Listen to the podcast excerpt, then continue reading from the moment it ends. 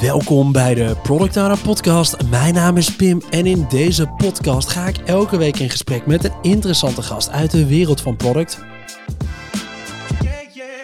Vandaag heb ik Jordi weer eens de gast in de studio. Collega en ondertussen vaste gast van de podcast. Jordi heeft net een jaar bij ASML gezeten als product owner en ziet al ruim 10 jaar backlogs voorbij komen. Als we naar vacatures kijken, dan is backlog management nog steeds een van de vaste taken die voorbij komt. Maar hoeveel tijd besteed je nou echt als PO aan die backlog? En hoe zorg je dat die backlog vol staat met de juiste dingen? In deze aflevering gaan we het daar maar eens over hebben. Want het is een belangrijke basistaak. Maar ja, hoe gaan wij er eigenlijk zelf mee om? Jordi, leuk om je hier te hebben. En om maar gelijk even met de deur in huis te vallen. Hoeveel tijd besteed jij echt aan je backlog per week? Ja, leuk om er weer te zijn, Pim. Uh, ik denk dat die tijd heel sterk verschilt. In de fase waar je natuurlijk in je, in je, product zit. Of je iets helemaal nieuw in het bouwen bent. Een nieuw product of een nieuwe feature. Of dat je gewoon ja, aan het doorbouwen bent. En kleinere zaken aan het voorbereiden bent voor het team om op te pakken. Ja. Um, dus het is moeilijk om daar een exact nummer aan te geven. Maar in ieder geval genoeg dat je team vooruit kan en ook weet wat gaan we de komende sprints wellicht doen of welke richting gaan we op in die sprints om daar een beetje gevoel bij te hebben dat ze zich erop kunnen voorbereiden. Ja, want ja, backlog management, het is een beetje een soort basistaak en uh, iets waar ook maar weinig PO's van zeggen, oh daar wil ik meer over leren. Maar ja, volgens mij is het toch wel echt een onderwerp waar mensen het heel anders aanpakken binnen verschillende bedrijven en hoe ja. we eigenlijk dat op een manier doen. De een besteedt er heel veel tijd aan. Die zegt, nee, maar ik vind het zo belangrijk dat alles vol staat met perfecte user stories. Die moeten ook goed geschreven staan. En de ander zegt, nou, weet je wat, uh, ik prioriteer de volgende sprint. En uh, de rest regelt zichzelf wel. Ja, van beide kanten natuurlijk wat over te zeggen. Uh, ik heb bij een mobiliteitspartij gewerkt waar we een parkeerplatform gebouwd hebben. Ja. En dan gingen we een webportal bouwen voor medewerkers dat ze zelf regie kregen over parkeren. Maar ja, wat is dan regie? Wat moet ze kunnen? Waar zit ze überhaupt op te wachten? Ja, ja daar hebben we heel veel onderzocht. En de basis daar was letterlijk een Excel-sheet met duizenden regels. Dit zou een gebruiker moeten weten. Dit zou een gebruiker moeten kunnen. Dit zou een bedrijf aan de achterkant moeten kunnen. Oh joh. En dat was echt dat was een mega document. Dat was een MB's groot aan Excel-data. Ja. En daar zijn we vervolgens in gaan kijken. Wat is nou logisch om eigenlijk als basis te pakken en dan te bouwen zodat we een beetje hebben wat werkt. Dat we kunnen zien of dit wel is waar de mensen op zitten te wachten. En dan het volgende stukje weer te gaan bouwen. Oh. En dat was natuurlijk al ja, eigenlijk een backlog. Maar het was niet concreet genoeg om te kunnen refinen. Ja, je zou de benaming kunnen gebruiken als de naam van de user story. Maar volgens geen enkele van de user story best practices was dit een fatsoenlijke user story. Ja. Maar het is wel een begin met een idee van waar dat je verder gaat kijken naar hoe past dit binnen waar het product naartoe zou moeten gaan. Wat is het doel van het product, de visie en hoe komen we daar in die stapjes? En steeds ook refereren aan bijvoorbeeld een sprintdoel en een productdoel, of je daarmee wel ja, het juiste aan het ontwikkelen bent. Ja, want toen was het, dit was in een Excel-bestand zelfs. Daar zijn we mee begonnen. Ja. Nice. Welke backlog management tools heb jij door de jaren heen gebruikt? Heb je iets anders gebruikt dan Jira? Uh, ja, uh, Azure DevOps van Microsoft. Ja. Het, ja, het is vergelijkbaar. Uh, dus wat dat betreft, ja, doet allebei wat het moet doen. Het heeft zijn voor- en zijn nadelen. Wat ik persoonlijk heel mooi vond aan Azure DevOps is, ja, het is van Microsoft, waardoor het Power BI heel makkelijk gekoppeld heeft. Ja. En dat is bij Jira en überhaupt Atlassian een beetje moeilijker. Het kan wel, ik zeg niet dat het niet kan, hè, maar het is niet zo simpel als dat het bij DevOps is. Ja. Dus dat was voor mij wel een groot voordeel aan dat platform. Ja, je ziet soms nog wel eens Trello voorbij komen. Uh, maar ja, dat is dan gewoon een bordje. Ja. ja. precies gewoon een bordje. En je kunt zo'n dingen ook zelfs in Teams bouwen. Hè? In Teams kun je ook een, uh, planbord maken met kolommetjes erin. En dan heb je eigenlijk je Kanban-bordje om te beginnen. Ja. ja, maar zeker als je in een kleiner project zit of met een kleiner team binnen een wat kleiner bedrijf, ja, dan zit je daar ook vaak nog wel prima mee. Ik heb ook wel eens projecten gedaan uh, die in een Notion board, wat, wat we gewoon gebruikten als, uh, als Kanban. En nou, daar kon je op zich prima mee vooruit, want Zeker. we hadden gewoon drie kolommen, uh, to do, doing en done. En oké, okay, nou daar kunnen we best mee aan de slag. Ja, absoluut. Ja, bij kleinere bedrijven of überhaupt producten die ja, in de kinderschoenen staan, die dus nog niet live zijn, nog niet gebruikt worden, of op hele kleine schaal, een soort van ja, proof of concept aan de gang zijn. Ja. Ja, daar zie je toch vaak dat zo'n tools dan eigenlijk ja, totaal niet nodig zijn. Nee. Want je moet eerst valideren of het idee wel goed is, voordat je echt kunt gaan bouwen. En dan ga je natuurlijk ook aan uh, ja, een backlog werken om helemaal uit te werken. Waar ga je naartoe? Hoe ziet je roadmap er op de langere termijn uit? Welke Ja. epics ga je aan werken? En dat is iets waar je dan pas mee in de slag gaat. Dus Ja. voor ja, de beginnende fase, voor ideeën naar iets om te zetten wat tastbaar is en te valideren, denk ik dat zo'n dure of uitgebreide tool helemaal niet nodig is. Nou ja, maar ja, een Jira wordt ook gewoon heel snel een draak van een systeem. Ja, dat is toch wel. Het is gewoon een beetje. Ja, er is gewoon echt niks beters. eh, wat, wat op deze schaal iets heeft. En Jira heeft gewoon voor alles zit er iets ingebouwd, waardoor Ja. het nooit te vinden is wat je echt nodig hebt. klopt. Eh, de vorige keer dat ik hier zat, toen, stelde je, stel, toen gaf ik aan van we werken bij ASML met Jira en Jira Align. Oh, En toen vroeg jij, wat is Jira Align? Ja. En toen zei ik, ja, ik kan het je nog niet vertellen, want ik heb er geen toegang tot. Nou ja, inmiddels zit het project erop. Ik heb toegang gekregen en er ook mee gewerkt. En wat ze daar heel mooi gedaan hebben, is dat ze in Jira Align eigenlijk de epics en de, de, de bedrijfswaarden beschrijven. Dus op een heel hoog niveau, vanuit hoog in een complexe organisatie wordt daar beschreven welke kant gaan we nou eigenlijk op met ons product. Ja. En vervolgens zie je dat in Jira die epics terugkomen als in hier moet je mee doen, afgebakend stukje. En daar zet je dan je features, je user stories, je tasks in. Met als voordeel dat je dus eigenlijk hoog over een roadmap met 15, 20, 25 teams kunt delen. Ja. Iedereen daar zijn stukje in bouwt. En dat je in Jira Align die overal view houdt om te zien waar gaan we nou eigenlijk naartoe. oh, dat is best mooi. Dat hebben ze netjes gedaan. Ja. En dat is met name gericht op bedrijven die safe werken. In ieder geval grote complexe omgevingen. Ja. Juist. Kun je me daar een beeld bij geven? Want dat lijkt me inderdaad te veel lastig. Ik heb met name veel bij, eh, bij tech-organisaties gezeten, veel e-commerce vaak. Eh, nou, met de IT-teams eh, tot een beetje 80 mensen. Mhm.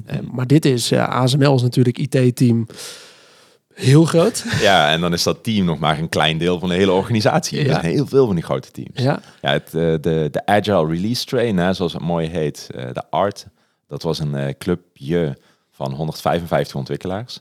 Met product owners, scrum masters, eh, alles erop en eraan. Daar zit dan een release train engineer boven. ja, En die zorgt eigenlijk dat alles loopt, rijlt, zeilt. Je hebt dan een, een CPO van dat product. Ja. Dus ieder product binnen ASML heeft zijn eigen CPO. En dan is er ook nog een echte CPO die dan in de raad van bestuur zit, om het zo maar te zeggen. Ja.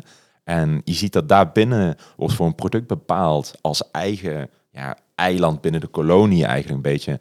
Wat gaan we nou doen? Welke kant gaan we op? En wat moeten we met ons product doen? Ja. En dat wordt dan in het geval van eh, het product waar ik binnen zat, naar 15 Scrum teams doorgestuurd. Maar jullie hebben allemaal je eigen taak. Sommige frontend, sommige backend, sommige analyse. Er zat een team volledig op alles wat pipelines was voor het release, voor het testen waren twee verschillende teams. Iedereen heeft zo zijn eigen taak binnen dat groter geheel. Maar elk kwartaal moet je wel natuurlijk weer netjes volgens Save je PI-event houden en ook opleveren wat je hebt gezegd dat je in dat kwartaal ging doen. Nou, maar ja, dan is het, het termpje backlog management ziet er in die wereld heel anders uit. Ja. Want je bent afhankelijk van epics die eigenlijk al zijn gecreëerd. Die er al voor je ja. staan. En daarbinnen worden wat dingen opgepakt. Ja, er wordt dan eigenlijk vanuit een klant gezegd, dit willen wij hebben, dat moeten we gaan bouwen. En vervolgens krijg je daar een afgebakend stukje van, waar dus al door mensen over is nagedacht. Dus bijvoorbeeld ook architecten die vanuit de technische kant kijken, waar willen wij eigenlijk naartoe? En dan heb je dus een apart clubje met architecten, waar een hoofdarchitect boven staat, die bepaalt, deze platformen passen binnen het landschap van ASML op deze manier. Wij als ASML willen dit zo gaan uitdragen, dus dit moet je gaan bouwen. Ja, En dan is de feedback, of in ieder geval de, de feedback van klanten, van gebruikers, is dan heel vaak intern. Omdat je gaat kijken naar een customer support. En dat, ja, er zitten gewoon mensen met PhD's, customer support doen bij ASML. ja. Die zijn super slim, die gasten. Die weten echt mega veel van alles wat er binnen die eh, producten van ASML speelt. Maar ook op het gebied van data-analyse weten ze heel goed waar ze nou moeten kijken bij een klant en die informatie op te halen. Oh. Dus je spreekt de eindgebruiker eigenlijk niet. Nee. Maar je krijgt wel die informatie binnen om dingen te kunnen valideren en te checken. Maar dan zit je dus binnen je afgebakende stukje. Het is dus niet dat je denkt van, nou, we hebben in, ehm, noem maar even, in december een PI-event gehad. We gaan in Q1 gaan we dit doen. Maar misschien zou het wel interessant zijn als we dat in Q2 gaan doen. Die ideeën die zijn zeker waardevol en die Ja. worden ook meegenomen. Maar het is niet de leidende draad van ontwikkeling. Nee. Nou, mooi. We gaan hier zo meteen nog eens even wat, eh, wat verder dieper op in. Ik wil hem eigenlijk eventjes eh, naar, die, eh, naar die bovenste laag toe brengen. Die backlog is ergens een gegeven binnen, binnen de manier zoals we Scrum aanpakken. Dus voor veel PO's iets wat we gewoon hebben. Mhm. Ehm, laten we even beginnen bij het allereerste stukje. Wat is backlog management in de basis? Dus die backlog is er, maar wat is backlog management? ja, zorgen dat die opgeschoond is hè, in de basis. Dus je, je hebt een lijst met stukken waarin staat stukjes van een product wat je wil gaan maken. Betekent niet dat die ook gemaakt gaan worden. Er zit een prioriteit in. Hij moet natuurlijk ja, ook zo schoon mogelijk zijn dat je weinig ruis erin hebt. Ja. En die stukjes van wat je wil gaan maken, die doe je als product owner prioriteren. Ja. En hoe hoger dat ze in de lijst staan, des te concreter dat die blokjes zijn. Dus onderin begint met, hey, het zou wel gaaf zijn als ze single sign-on hebben, of dat je een mobiele app hebt, eh, dat je kunt inloggen zonder wachtwoord. Maar er zit veel meer achter dan alleen, ik wil dit kunnen. Ja. En hoe hoger dat die user stories in jouw backlog komen, des te concreter dat ze zijn, des te meer waarde dat ze hebben en des te realistischer dat is dat je ze ook daadwerkelijk gaat ontwikkelen. Ja. Ja, dus daar zeg je op zich al wel iets grappigs. Hè? Dus eh, vrij open punten die komen ergens onder in die backlog gewoon binnen. Dan zit er een soort refinement fase, vaak al voor, een soort pre-refine, waarin je eigenlijk moet gaan uitzoeken wat, wat moet er nou eigenlijk gebeuren binnen dit onderwerp. Is dit inderdaad een kleine functie aanpassing en is het een story? Of ga ik dit aanvliegen als een epic en heeft dit veel grotere onderdelen? Daar moet je een keuze in gaan maken. En op een gegeven moment ga je het een bepaalde prioriteit geven. Maar ja, je moet iets bepalen over die prioriteit. Hoe bepaal je dat dan? Want je moet dat gaan beheren. Je moet gaan zeggen, oké, dit, dit ga ik wel prioriteit geven. Dit ga ik geen prioriteit geven. Uh, ik denk dat daar een groot verschil zit tussen grote of grotere en echt hele kleine bedrijven. Ja. Dus waar je bijvoorbeeld in een start-up zit met maar één team uh, en aan het ontwikkelen bent aan een product. Daar zie je aan de ene kant vaak dat de flexibiliteit daar wel uh, ja, key in is. Hè? Je bent iets aan het ontwikkelen en je gaat heel snel van links naar rechts, omdat die wendbaarheid er ook is. Beetje een speedboot, hè? Ja. die noemen ze Ja. vaak die analogie. Um, er is ook op de lange termijn vaak nog niks vastgesteld. Ja. Waardoor dat je heel snel kunt en moet schakelen om te zorgen dat je überhaupt levensvatbaar blijft. Ik heb bij Nutreco rondgelopen, die doen heel veel op het gebied van voeding. Ja. Um, om een beetje een beeld te geven, daar gaat iets van 7,5 miljard aan omzet per jaar uh, gaat daar doorheen. Uh, Wow. Dus ja, groot bedrijf. Ja. En daar was het zo dat we de stakeholders allemaal bij elkaar hadden weten te krijgen. Ja. Dus ik kwam daar binnen, ook op interim basis. En dat was eigenlijk de vraag, ja, we moeten iets op die integraties. Dus de data en het hele bedrijf wereldwijd gaat van links naar rechts. En er zat een teampje van, ja, het was het acht of negen man, die Ja. moesten die integraties regelen. En die werden door Jan en alle man, werden die gewoon Maar ik wil het constant zo, gestakt. Ik wil dit tabelletje Precies, daar hebben. volgende week moet je dit doen, want salaris hier en eh, juridisch daar. En iedereen stond, het heeft prioriteit om deze reden. en die gasten die heb ik toen allemaal bij elkaar in een ruimte gezet en gezegd, wij gaan met elkaar om de week, want het waren twee weekse sprints, wij gaan in de tweede week van de sprint, gaan wij kijken, wat willen we? Niet de sprint die dan de week daarna begint, maar Ja. de daaropvolgende Ja. sprint. Dus eigenlijk voor over drie weken, wat gaan we dan bouwen? En dat was in eerste instantie een Excel-sheet. Waar het dus gewoon alles in hadden laten dumpen. En dan met elkaar die lijst doorgaan. Waarom moeten we dit nu doen? En waarom is dit belangrijk? Ja, En vervolgens zijn we dat in Azure DevOps gaan zetten. Omdat alles in Azure van Microsoft werkte. Ja. Hebben hun ook een account gegeven dat ze zelf hun eh, verzoeken voor features konden aanmaken. Zodat we die daar konden bespreken en met elkaar konden kijken. Waarom moeten we dit nu doen? En er waren mensen, eh Kees liep daar rond. En ja, dat is echt prachtig. Die kwam met een kopje koffie naast je bureau staan. En die bleef zo staan tot je het koffie koffie aannam. En naar hem geluisterd had. En hij ging niet weg voordat je naar hem geluisterd had. Jezus. Maar als hij kwam, wist je ook, dit moet wel gefixt worden. Ja, En er waren ook mensen waarvan je dacht van, ja, daar komen ze weer met een idee. Voordat we dit gebouwd hebben, ze gaan weer de andere kant op, gaan we dit toch niet gebruiken. ja, En dan nam je dat vaak met een korreltje zout. Eh, maar als je die mensen bij elkaar hebt en dan zegt dan iemand, ja, we hebben in, eh, volgens mij was het in Peru, iets in die richting in Ja. ieder geval, er is een, eh, een, een juridische wijziging. Daar moeten we iets doen, anders hebben we daar een mega claim aan onze programma. En er was niemand in die meeting van al die stakeholders, waren er 12 of 13 bij elkaar, die zei: Nee, ik vind mijn stukje belangrijker. Ja. Iedereen zei: We zijn het met elkaar eens, dit gaat naar boven. Ik wacht wel een week. En dan is het wel mooi dat je op zo'n grotere schaal toch kunt zien dat de, de input voor je backlog op een of andere manier geordend en gesorteerd wordt. Ja, ja, en al die stakeholders ook met elkaar eens zijn dat er consensus is van oké, ik lever nu wat in, maar volgende keer in de sprint heb ik dan een paar uur meer. Of ik heb één iemand nodig en als jij hem hebt gehad, dan wil ik die persoon gebruiken om mijn project voor te bereiden of op te pakken. Daar zie je dan wel heel mooi dat je zo met elkaar ja, die backlog eigenlijk bepaalt en vorm geeft. Juist. En dan ga je met het team technische details invullen. Hè? Maar dat is ja, de vervolgstap. Dat komt daarbij. Nee, precies. Maar dan maak je het wel beheersbaar en transparant. Zeker. Ja. Want daarvoor schiet het alle kanten op. We weten eigenlijk niet zo goed. We zijn een beetje chagrijnig, want we worden niet snel geholpen zonder ons bewust te zijn van eh, eh, dat er eigenlijk nog veel meer initiatieven lopen binnen die organisatie. Nou, dan maak je het wel weer transparant. Dus op zich vind ik dat wel een, eh, een, een mooie. Want je zegt stakeholders bij elkaar, dat is ook een manier van prioriteren. Absoluut, ja. Want wat we wel vaker zien gebeuren is, een, is prioriteren. Hè. Je hebt die backlog, daar staan al wat dingetjes op. Je zit misschien eh, vrij recent ben je in die rol gekomen. Je hebt een eh, backlog uh, geadopteerd. Er staan 150 items op. 50 daarvan zijn meer twee jaar of ouder. En eigenlijk staat het gewoon een beetje als een rotsoortje door elkaar. Maar de eerste 10 die zijn geprioriteerd. succes. En heel veel mensen gaan dat in hun eentje proberen op te lossen. Die gaan kijken, ja, maar wat staat er nou tussen? Wat staat er nou tussen? Ja in, in zo'n geval probeer ik altijd maar het team er als eerste maar bij te pakken. Want vaak weten die developers al heel goed wat erin staat in die, in die backlog, wat er door de tijd heen is gegaan. Oké, ik, ik stel nog wel eens een extra, plak ik een extra uurtje aan een refinement vast of zo vooraf. Hé hey jongens, laten we als eerste eens even door die backlog heen gaan met het hele team. En eens even kijken wat er hier nou belangrijk in is. Want het laatste wat je moet, volgens mij moet proberen is het in je eentje fixen. Ja.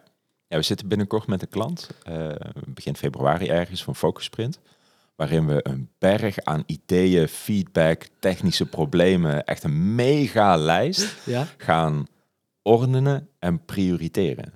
En prioriteren doen we op basis van de bedrijfswaarde van, voor de klant, dus de, de value die we daadwerkelijk opleveren. Aan de andere kant ook, wat vindt uh, dat bedrijf dat hun product zou moeten kunnen, dat is ook waarde. En wat moet er technisch gebeuren om het mogelijk te maken, maar ook om het, om het product überhaupt in de lucht te houden naar de toekomst toe. En het gewoon zo, uh, ja, met, dat het gewoon meegroeit met de techniek. En langs die drie assen gaan we alles prioriteren en eigenlijk de basis maken voor een backlog om het hele systeem aan te pakken en naar ja, 2024 te gaan trekken. En die lijst moet dan vervolgens wel nog gevalideerd gaan worden. Want het is niet alleen, uh, ja, we zeiden dat, uh, we zaten net van tevoren al even, hè, van ja, wij van ons bedrijf vinden dat dit product zo zou moeten kunnen, want wij denken dat de klant hierop zit te wachten. Ja. Die validatie gaat de klant dit überhaupt gebruiken? Is daar ook wel een hele belangrijke in voordat ja, dit dan daadwerkelijk gebouwd gaat worden? Ja, maar dat gaat over hetzelfde als wat je net zegt. Hè? Ergens die stakeholder bij elkaar. En is die stakeholder iemand intern? Of heb je gewoon een hele grote user group als je een eh, B2C-product hebt? Ja. ja. die moet je wel meenemen in de overweging. Uh, waar ga ik dit product precies heen brengen? Zeker, ja. En wat wordt dan de volgende beste stap om te gaan nemen? Ja. Kijk, als je een, een, een klantenbasis hebt die tevreden is met wat je levert en je gaat er iets aanpassen in de veronderstelling, we willen ons marktaandeel gaan vergroten. Dat is het doel wat we willen bereiken. We willen van 25 naar 60 of 70 procent marktaandeel gaan. En je, zo, je ziet dan dat er heel veel taken zelf door de eigen mensen nog gedaan worden, handmatig, die geautomatiseerd zouden kunnen worden. Of de klant wellicht in een bestelproces bijvoorbeeld, als het over e-commerce gaat, zou kunnen doen ja, dan is dat een aanname die je doet omdat je het voor jezelf makkelijker maakt. Maar het zou zomaar kunnen zijn dat dat volledig tegen de richting ingaat bij de klant. En dat ze denken van, of ze gebruiken, van hier zitten we totaal niet op te wachten. Ik ga wel naar de concurrent, want uh, ja, nee, dit wil ik ook niet doen. Dan moet ik meer werk gaan doen voor hetzelfde product. Ja. We hadden het net ook al eventjes over die stories hè, op zo'n bord. En de oorsprong van die stories is user stories. Mm. Gebruikersverhalen. Ik als gebruiker X wil dit, want dan kan ik dit. Dat, was het, dat is het basisriedeltje wat eigenlijk een user story moet zijn. Ja. Ik heb het geluk gehad dat ik in de afgelopen paar jaren best wel wat organisaties heb mogen zien. En ik denk dat ik uh, nou, in nog geen 20% van alle stories dit verhaaltje goed beschreven heb gezien. Heel soms komt er even eentje voorbij. Maar wat ik heel vaak zie, praktisch gezien, als ik gewoon even eerlijk ben, is dat er gewoon vrij technische stories op staan. Ja. Ergens in de epic is beschreven.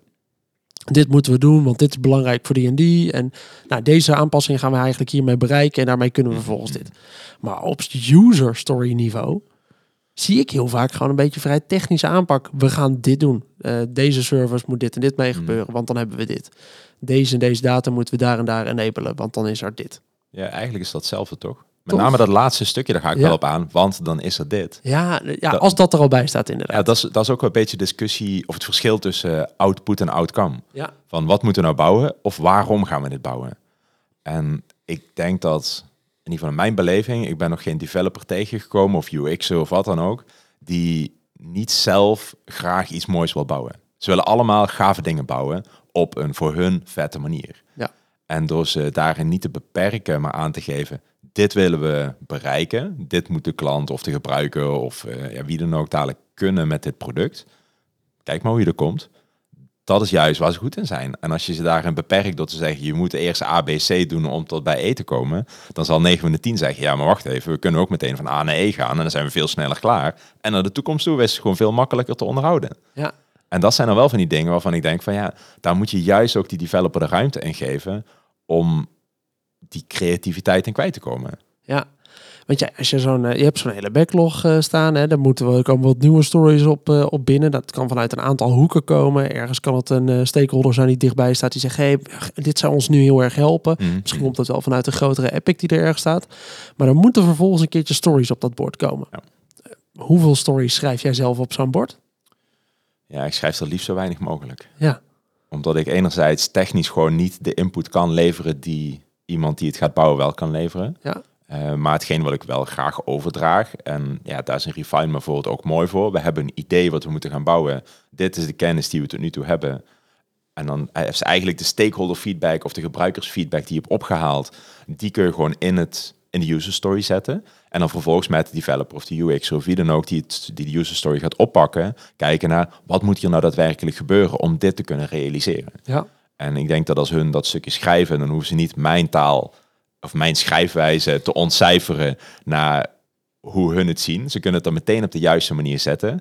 En wat ik vaak zie als je developers dit laat doen, is dat hun dan ook meteen de, de dependencies erin mappen, waar ze erachter komen van hey, hier gaan we mogelijk in de problemen komen. We hebben van iemand anders iets nodig. We moeten libraries gaan aanpassen, noem het maar op. Er is iets wat we moeten doen om dit te kunnen realiseren. En dat is dan meteen aan de voorkant bekend, voordat je überhaupt begint met ontwikkelen. Want aan de andere kant, als het dan niet is en je zegt van nou, we hebben alles gerefined, het staat klaar, de sprint begint, dag 1, uur 1, die developer belt, hey uh, beste Pim, ik heb hier een user story, maar ik heb eigenlijk van team 2 wat nodig. Oh, maar team 2 zit de volgende kwartalen helemaal vol. Ja, dan moeten we deze maar parkeren en is hij geblokkeerd tot ze dat kunnen doen. En dan, dan voorkom je eigenlijk die vertraging en dan zorg je dat het allemaal zo soepel mogelijk loopt en dat ja, alle variabelen en tandwieletjes die draaien zo goed als mogelijk in kaart gebracht zijn. Ja, volgens mij een hele goede uh, uitleg om daarbij te krijgen is, toen ik begon als uh, product owner, uh, wat jaren terug, toen dacht ik inderdaad, nou al die stories op dat bord, die moeten vanuit mij komen. Die ga ik moeten schrijven, die ga ik moeten neerzetten en moet ik dat dan ook nog onderzoeken? Oké, en dan ga ik ze daarna prioriteren dat is een beetje het gevoel waarmee volgens mij veel PO's in die, in die rol ergens komen. Maar ja, laten we daar eventjes dan de ervaring in meenemen. Na een paar jaren kom je er gewoon achter dat je dat eigenlijk maar zelden doet. Je moet gewoon zorgen dat je epics, wat mij part altijd heel goed omschreven zijn, dat is echt iets wat je wil bereiken. Mhm. Dat is een grotere stap die je ergens gaat maken. Welke user stories daaronder komen te hangen. Ja, vaak heb ik uh, weinig idee en dan moet ik al, kijk ik naar de epics toe om uh, echt te gaan prioriteren. Prioriteer jij daar inderdaad misschien wel een goede vraag? Prioriteer jij op epic niveau of op story niveau? Ja, het verschilt echt aan de situatie. Ja. Ik heb een eh, e-commerce platform mogen bouwen als product owner. En daar zijn we begonnen met ophalen wat nou eigenlijk het doel wordt van het product. Wat wil die gebruiker? Wat doet de concurrent? Noem het maar op. En daar hebben we gewoon in Figma een design voor gemaakt wat werkt. Waar je op kunt klikken en door kunt klikken. En gewoon kunt zien hoe het eruit zou moeten zien qua design. Met, ja, je kent Figma Sketch en dergelijke. Ja, ja er staan de kleuren, de hexcodes, de afmetingen, de HTML-code, CSS. Kun je letterlijk eruit kopiëren. En ja, hoe makkelijk wil je het hebben? Super gaaf dat zoiets bestaat. En je kunt er zelf met gebruikers doorheen klikken om te valideren hoe het werkt. Ja. Als je van daaruit begint, dan is het eigenlijk heel simpel. Dan is het Epic niveau, we moeten het inlogscherm bouwen of de inlogfunctionaliteit. Ja. En alles wat daarachter zit, ja, dat ga je met elkaar dan bepalen. En zo kun je hoog over, kun je heel mooi een route bepalen waar je naartoe gaat. En alles wat daaronder nodig is om, zoals het design is, daadwerkelijk te bouwen, ja, dat kunnen developers eigenlijk gewoon zelf met de UX bijvoorbeeld bepalen. Daar heb je als product owner vrij weinig ja, inbrengen of inmenging in nodig. Ja. En dus in die zin denk ik dat het daar wel meer op hoger niveau is. Zodra je echt naar specifieker en vooral technische vlakken gaat kijken, als je bijvoorbeeld in de backend zit, in de servers en dergelijke. Ehm, ik zat bij ASML voor een groot deel in de hele pipelines voor 3D's en testen.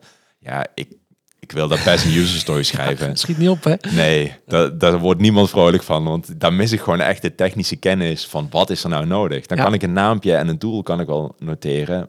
Maar daar stopt het ook. En daar merk je dat het prioriteren wel op lager niveau gebeurt. Eh, omdat vaak ook ad hoc werk is, dat er iets gedaan moet worden. Er moet een nieuwe server gebouwd worden, er moet een proces aangepast worden, noem het maar op. Maar de inhoud doe je dan eigenlijk ook niet. Of in ieder geval in mijn beleving niet. Eh, Je, je levert een bijdrage, je checkt waar moeten dingen opgehaald worden qua informatie bij mensen. Wie moet ik aan elkaar linken om met elkaar vast te stellen wat er nou eigenlijk moet gebeuren. Ja. En ja, dan is het meer een faciliterende taak wat je daarin oppakt. Ja, precies. Het gaat er gewoon om goed begrijpen wat is het beste volgende stapje wat we, wat we kunnen nemen op dat moment. Ergens heb je ook nog wel eens dat je een business analyst er bijvoorbeeld bij hebt. Ja. Soms vind ik het heel fijn, soms vind ik het heel irritant. Eh, op het moment heb ik een hele fijne business analyst. Mhm. Dat is echt ideaal, want ja, soms heb je gewoon een aantal grote epics die je moet aanpakken. Die moeten echt even door zo'n hele organisatie heen getrokken worden echt even checken of er niet op een ander laagje nog dan iets misgaat als we dat ene stukje informatie niet in die nieuwe servers gaan bouwen. Dat helpt mij ook wel met die backlog op een juiste manier neerzetten. En ook wel, ik vraag haar ook wel heel vaak om input om te prioriteren. Mhm. Wat vind jij daarvan? Heb jij vaker business analisten daarbij gehad? Ik heb daar zeker ervaring mee. Eh, maar ik vind het gewoon fijn om een sparringspartner te hebben. Ongeacht Dat of dat het, de ja. Scrum Master is of eh, de UX eh, of een van de developers zelfs of een tech lead Ja. of architect. En bij ASML werkte ik samen met een functioneel beheerder. En ja, daar was ook gewoon de, de wisselwerking heel goed. En met elkaar onderzocht je daar eigenlijk waar moeten we nou naartoe. En dan is het niet meer het idee van één persoon of de perceptie van één persoon. Nee. Maar dan kom je al met een heel ander idee over. En dat is wat ik met, met business analisten ook altijd heb gehad tot nu toe. Je kunt met elkaar sparren over wat is nou de route en waarom. En dat werkt natuurlijk twee kanten op. Als product owner hou je de business analyst scherp met wat is nou de waarde die we willen leveren en welke kant vinden we we op moeten gaan. En wat zien we bijvoorbeeld uit het team terugkomen? Hè? Want daar zitten met name de technische kantjes in. Van wat moeten we nou gaan bouwen? Waar moeten we op upgrades van eh, platformen letten? Eh, noem het maar op. Ja. En daar kan een business analyst ook de product owner weer scherp op houden. En ik denk dat die wisselwerking daar wel heel belangrijk in is. En ja, we hebben intern natuurlijk het ownership model. Hè? En daar zit ook een stukje co-piloot bij, dat je met elkaar eigenlijk, eh, je neemt bijvoorbeeld een stukje, je brengt tijd als interimmer, waardoor je zorgt dat je, als je mandaat krijgt van een opdrachtgever, dat je voor hem een deel van het ownership overneemt om een product te, eh, te bouwen, of in ieder geval een project Ja. te handelen. En ik denk dat die wisselwerking hetzelfde is met een business analyst of wat voor sparringspartner dan ook. Hoe beter die match, Ja. ja. an- andersom hè, de match heeft 100% input effect op het eindresultaat wat je gaat opleveren.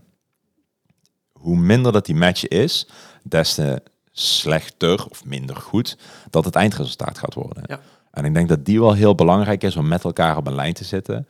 En je hoeft natuurlijk niet beste vrienden te zijn, maar je moet wel gewoon kritisch kunnen kijken waarom en dan met elkaar een oplossing kunnen vinden om door te gaan. En dat is voor mij wel altijd heel fijn als dat er is. Als het er niet is, dan zoek ik toch vaak richting een opdrachtgever of iemand binnen de organisatie waar ik daarmee kan sparren. Om ook gewoon te zien van ja, hoe, hoe zit dat? En maar dan kijk puur even op interim basis. Hè. Hoe zit het nou qua cultuur, qua DNA binnen de organisatie? Welke kant willen we eigenlijk op? Wat is er in het verleden gedaan? En dat is dan wel die, die voor mij die sparringspartner waar ik dan altijd wel heel blij mee ben. Ja, dat, die, die, die begrijp ik wel. Ergens is het gewoon fijn, in welke rol zou ik zitten, om in ieder geval niet in je eentje proberen dit soort dingen uit te vinden. eh, maar gewoon dat, eh, dat samen met iemand te doen. En of je inderdaad een goede Scrum Master hebt of een business analyst, aan beide heb je dan eh, echt wel iets. Ja. Ergens hangt het ook allemaal wel heel erg samen met andere teams. Die noem je ook al een keertje. Hè? Dus je probeert eh, dingen in je backlog neer te zetten. Maar je kan wel heel leuk bedenken dat eh, over twee sprints ga je werken aan een eh, nieuw inlogscherm. Ehm, waar je single sign-on in hebt. Maar dat betekent ook dat je aan een single sign-on basis database ergens moet kunnen linken. Ehm, en die wordt niet beheerd in jouw team, maar die wordt ergens anders in de organisatie geregeld. Ja, dat betekent dat je in je hele backlog best wel afhankelijk ook bent van anderen. Wat is jouw ervaring daarmee? Hoe je daar, eh, hoe je daar goed mee omgaat? Ja, ik denk dat in het refinen heel snel duidelijk wordt wat ligt binnen onze, eh, binnen onze invloed en daarbuiten. En zodra dat je helder hebt, dit zijn dingen waar wij iets van iemand anders nodig hebben om überhaupt te kunnen starten of halverwege, Ja. dan denk ik dat het goed is om zo snel mogelijk met die product owner of in ieder geval iemand in dat andere team te gaan schakelen van hey, dit is de vraag vanuit de klant, de opdrachtgever, eh, hier willen we naartoe qua roadmap, maar we hebben daar van jou ook wat nodig op dit moment. Wanneer kun je daar eh, met ons naar gaan kijken? Ja. En ik denk dat daar Ja, je kunt natuurlijk oneerbiedig dingen over de schutting gooien en wachten tot het teruggegooid wordt. Ja, En dan hopen dat het juist Ja, ja, ja. heel lang wachten en dan hopen dat er iets terugkomt. Dus een beetje als een grote zwarte doos waar je die ideeën in stopt en dan met je handen aan de onderkant gaan staan. Hopen dat er iets op enig moment uitkomt, maar niet wetende wat. En het dan mogelijk ook nog een keer opnieuw erin moeten gooien om het eh, alsnog goed te krijgen. Eh, ik denk dat dat heel belangrijk is om gewoon zo snel mogelijk met elkaar eh, te gaan schakelen. Om te kijken wat daar de opties in zijn. Ja. En dan kun je natuurlijk gewoon, ik net zei, over de schutting gooien. Maar wellicht dat het ook wel mogelijk is dat een van de developers of iemand van het team een x aantal uur in je eigen team meehelpt om te kijken naar, hey, als jullie dit en dit en dit doen, dan kun je het helemaal zelf. We kunnen je de rechten daarvoor geven. Je kunt het bijvoorbeeld bouwen en de code naar ons doorsturen of de PR maken, zodat wij hem checken en vervolgens releasen. Ik denk dat daar veel meer tussen zit dan alleen maar, hey, je moet dit voor ons doen, want we hebben dit nodig. Nou, die is wel, ja, dat is inderdaad wel een mooie. Als je dat voor elkaar kan krijgen door gewoon iemand te betrekken op tijd, Mhm. dan loop je in ieder geval niet tegen die sprinter in één keer tegenaan. Oh ja, we hadden hier echt een afhankelijkheid zitten. Kijk, het kan natuurlijk altijd gebeuren dat je begint en dan toch denkt van, Altijd. voortschrijdend inzicht, we hebben iets gemist, vervelend, wat gaan we nu doen? Ja. En dat, ja goed, die situaties die gebeuren. Nou, laatste waar ik nog wel even naar eh, wil kijken is even als we het hebben over dit hele onderwerp, eh, backlog management. Als ik even zo terugblik, dan zeggen we daar altijd al wel even een paar dingen uit. Backlog management wordt ergens gezien als een kerntaak van de PO. Mhm. Je moet het goed geregeld hebben, maar het is niet per se het ding waar je de meeste tijd aan spendeert. Het laatste wat je moet doen is het helemaal in je eens proberen te eh, prioriteren. Daar ga je echt falen op de langere termijn.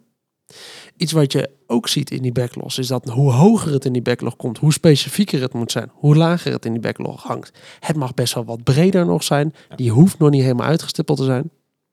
Hoewel we het altijd hebben over user stories, is niet elke user story gevuld op een manier als een user story. Het helpt alleen wel enorm als erbij staat: we doen dit, want dan kunnen we dat. Ook als het heel technisch is. Dat hangt ergens ook toen we begonnen samen met de Scrum-rituelen. Want eigenlijk is het dan het moment dat ik er in ieder geval zelf vaak meer tijd aan ga besteden. Ik moet zeggen dat als ik gewoon op een maandag aan het werk ben, dat ik die backlog wel eventjes voorbij zien komen bij een daily en ergens misschien op de dag nog even iets opzoek of invul, maar er verder niet zoveel mee doe. Terwijl als ik weet dat er eh, de, de, de planning sessie eraan komt of hebben een refinement, dan ga ik zowel anderen aansturen om weer eventjes naar te gaan kijken. Om te zorgen, hey, zorg even dat we de juiste dingen voor die epic hebben klaarstaan voor deze refinement. Ja. Als dat ik zelf weer even ga kijken, oh, staan de juiste dingen nu op refine om vandaag op te gaan pakken. Wat, wat is jouw blik daarop rond, eh, rond die scrum rituelen? Ga je dan ook meer doen rond, die, eh, rond backlog management of valt het wel mee? Is dat altijd al gewoon goed geregeld en kun je gewoon eigenlijk op elk random moment een refinement ingaan? Ja, ik denk dat refinement natuurlijk een doel moet hebben. Eh, het liefst doe ik gewoon per user story. Ja. Dus dat we een half uurtje inschieten om twee of drie user stories door te, te gaan afhankelijk van de grootte. Maar waar we gewoon als team moeten nadenken, kunnen we dit, hoe kunnen we dit en natuurlijk ook waarom gaan we dit doen.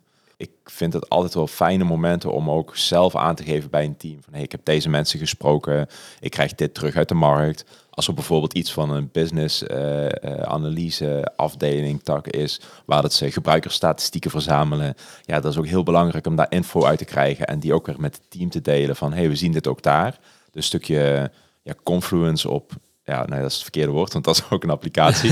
een stuk eh, die gemeenschappelijke indicatoren Ja. vinden, die eigenlijk allemaal ja, naar hetzelfde puntje wijzen. En dat je daar ziet, hey, dit is niet gewoon één persoon of één statistiek wat hier naar wijst, maar ik zie dit vanuit meerdere punten samenkomen. Dus hier, hier speelt iets. Ja. Hier, hier moeten we iets. En door het team daar ook in mee te nemen, dat ze een beetje een beeld hebben bij wat gebeurt er nou buiten ons, Ja. binnen de organisatie, bij klanten. Ja, dat is voor mij ook onderdeel van, van een refinement, of in ieder geval om structureel met het team te delen. En dat heeft natuurlijk ook weer invloed op ja, hoe je backlog eruit ziet en hoe je bepaalde dingen eh, aanpakt. Als ik je zo hoor, dan draait het in die, eh, daar rond die refinement veel meer erom dat je het achtergrondverhaal van die stories eigenlijk goed kent, Ja. die je gaat bespreken. Hè? En dat je snapt welke stakeholder nou met welk probleem eigenlijk zit, waardoor we die hier nu iets mee moeten, Ja, wat ze willen het erom gaat. Ja. Ja, precies. En dan, kijk, als je weet waarom dat je iets gaat doen, dan kun je vervolgens de technische invulling met elkaar verzinnen. Want een product owner gaat het design niet maken als het iets met een frontend is. Ja. Hij kan er wel over meedenken of eens een keer voelen van, hmm, dit voelt wel heel raar. Ik laat mijn moeder dat altijd doen. En zeg ik van, hey mam, kijk hier, eh, ik heb een app, kun je eens even checken? En dan gaat ze daarheen en zegt ze, ja, dit is zo onlogisch. Dan ik, ja, waarom dan? Ja, jongen, jij bent geen 67 jaar. Ja, Ja, ja. En dat, dan is het wel heel leuk om, om ja, zo'n dingen te checken. Maar je gaat dat zelf niet verzinnen. Ja. En dan is het wel mooi als je met een team samen zit. En het, het cumulatieve gedachtegoed van die drie, vier, tien, twaalf mensen... wat dan samen in een ruimte Ja. zit, te kunnen gebruiken... om gewoon een optimaal resultaat met z'n allen te krijgen. Vind je dat het nog oké is om in die refinement sessie zelf ook tijd te besteden aan prioritering met het team? Of vind je dat je dan focus moet houden op de stories die je wil behandelen? Nou, als je naar feature gaat kijken als bijvoorbeeld zo'n single sign-on login scherm of zo, hè, dan gaat het team zelf eigenlijk al wel kijken tijdens hoe komen we hier nu, waar moeten we nou mee beginnen? Ja, er is een design nodig, maar om in te loggen heb je eigenlijk alleen maar een veldje voor je gebruikersnaam, wachtwoord en een knopje nodig. Ja. Met de techniek erachter om dat in te kunnen vullen en te versturen. Ja. En als je daar het team eigenlijk gewoon los in laat of samen met elkaar gaat zoeken naar hoe moeten we nu beginnen? En dan kijken wat is nou echt ja, de, de kers op de taart die het afmaakt en wat is de taart zelf. Ja. En als je dan de basis hebt, dan kun je dan verder gaan uitbreiden om die echte coole dingen te maken wat het echt afmaakt. En ik denk dat dat ook gewoon een organisch proces met het team is. Ik heb daar zelf in ieder geval nooit echt op gestuurd. Nee. Alleen als we gaan kijken naar, oké, we hebben een- een e-commerce platform waar we vier grote pijlers hebben. Waar gaan we nu überhaupt beginnen? Ja, dan is wel iets waar, maar dan zit je ook heel hoog op Epic of zelfs nog hoger niveau te denken. Wat is nou hetgeen waar we bijvoorbeeld het meeste geld uit kunnen halen? Ja. Het snelste waarde uit kunnen genereren? Of waar zitten de klanten het meest op te wachten? Ja. Want wie weet zijn er wel tien klanten die echt iedere dag hoofdpijn en buikpijn hebben. Van oh jee, dit is nog steeds niet in het pakket opgelost. Dit gaat weer zo'n dag worden. En denk je zelf van, nou weet je, er zijn van die drie andere pijlers. Ja, die hebben we zo af. Dat is heel makkelijk. Weet je, we gaan daar gewoon mee beginnen. En dan kom je met een nieuwe feature. Dan zegt de klant, ja, maar waarom heb je dit nog steeds niet opgelost? We hebben nog altijd die problemen. Ja. Dus ik denk dat daar, ja, daar stuur je natuurlijk wel op. Maar binnen een, een, ja, een, een kleiner deel denk ik dat met name aan het team zelf is... wat is nou handig om mee te beginnen? Wat is nou logisch? Uiteindelijk is gewoon de belangrijkste taak voor een PO is gewoon goed bedenken wat de volgende beste stap is om te nemen, toch? En daarin moet je gewoon eigenlijk iedereen betrekken die nodig is om die keuze op de juiste manier te kunnen maken. Laatste stap voordat we eh, de grote lessen even nog eh, erbij gaan pakken. Ehm, hoeveel sprints plan jij vooruit in Jira? Hoeveel van die extra blokjes heb jij staan met, eh, met sprints voor de komende tijd? Ja, ik vind het wel fijn om twee of drie sprints vooruit... in ieder geval een beetje een sprintdoel te hebben. Ja. Al is het dan maar hoog over en nog niet concreet met... we zouden aan deze dingen kunnen of moeten gaan werken. Ja. Ehm, ik vind de roadmap het belangrijkste. Daarin moet staan van waar ga je nou het komende kwartaal, kwartalen mogelijk aan werken. Ja. En hoe verder vooruit, hoe flexibeler het natuurlijk wordt. Hè? Ehm, en daar natuurlijk wel een aantal sprints qua naam in, in vullen. Zodat in ieder geval het team ook weet waar gaan we dadelijk naartoe, waar moeten we rekening mee houden.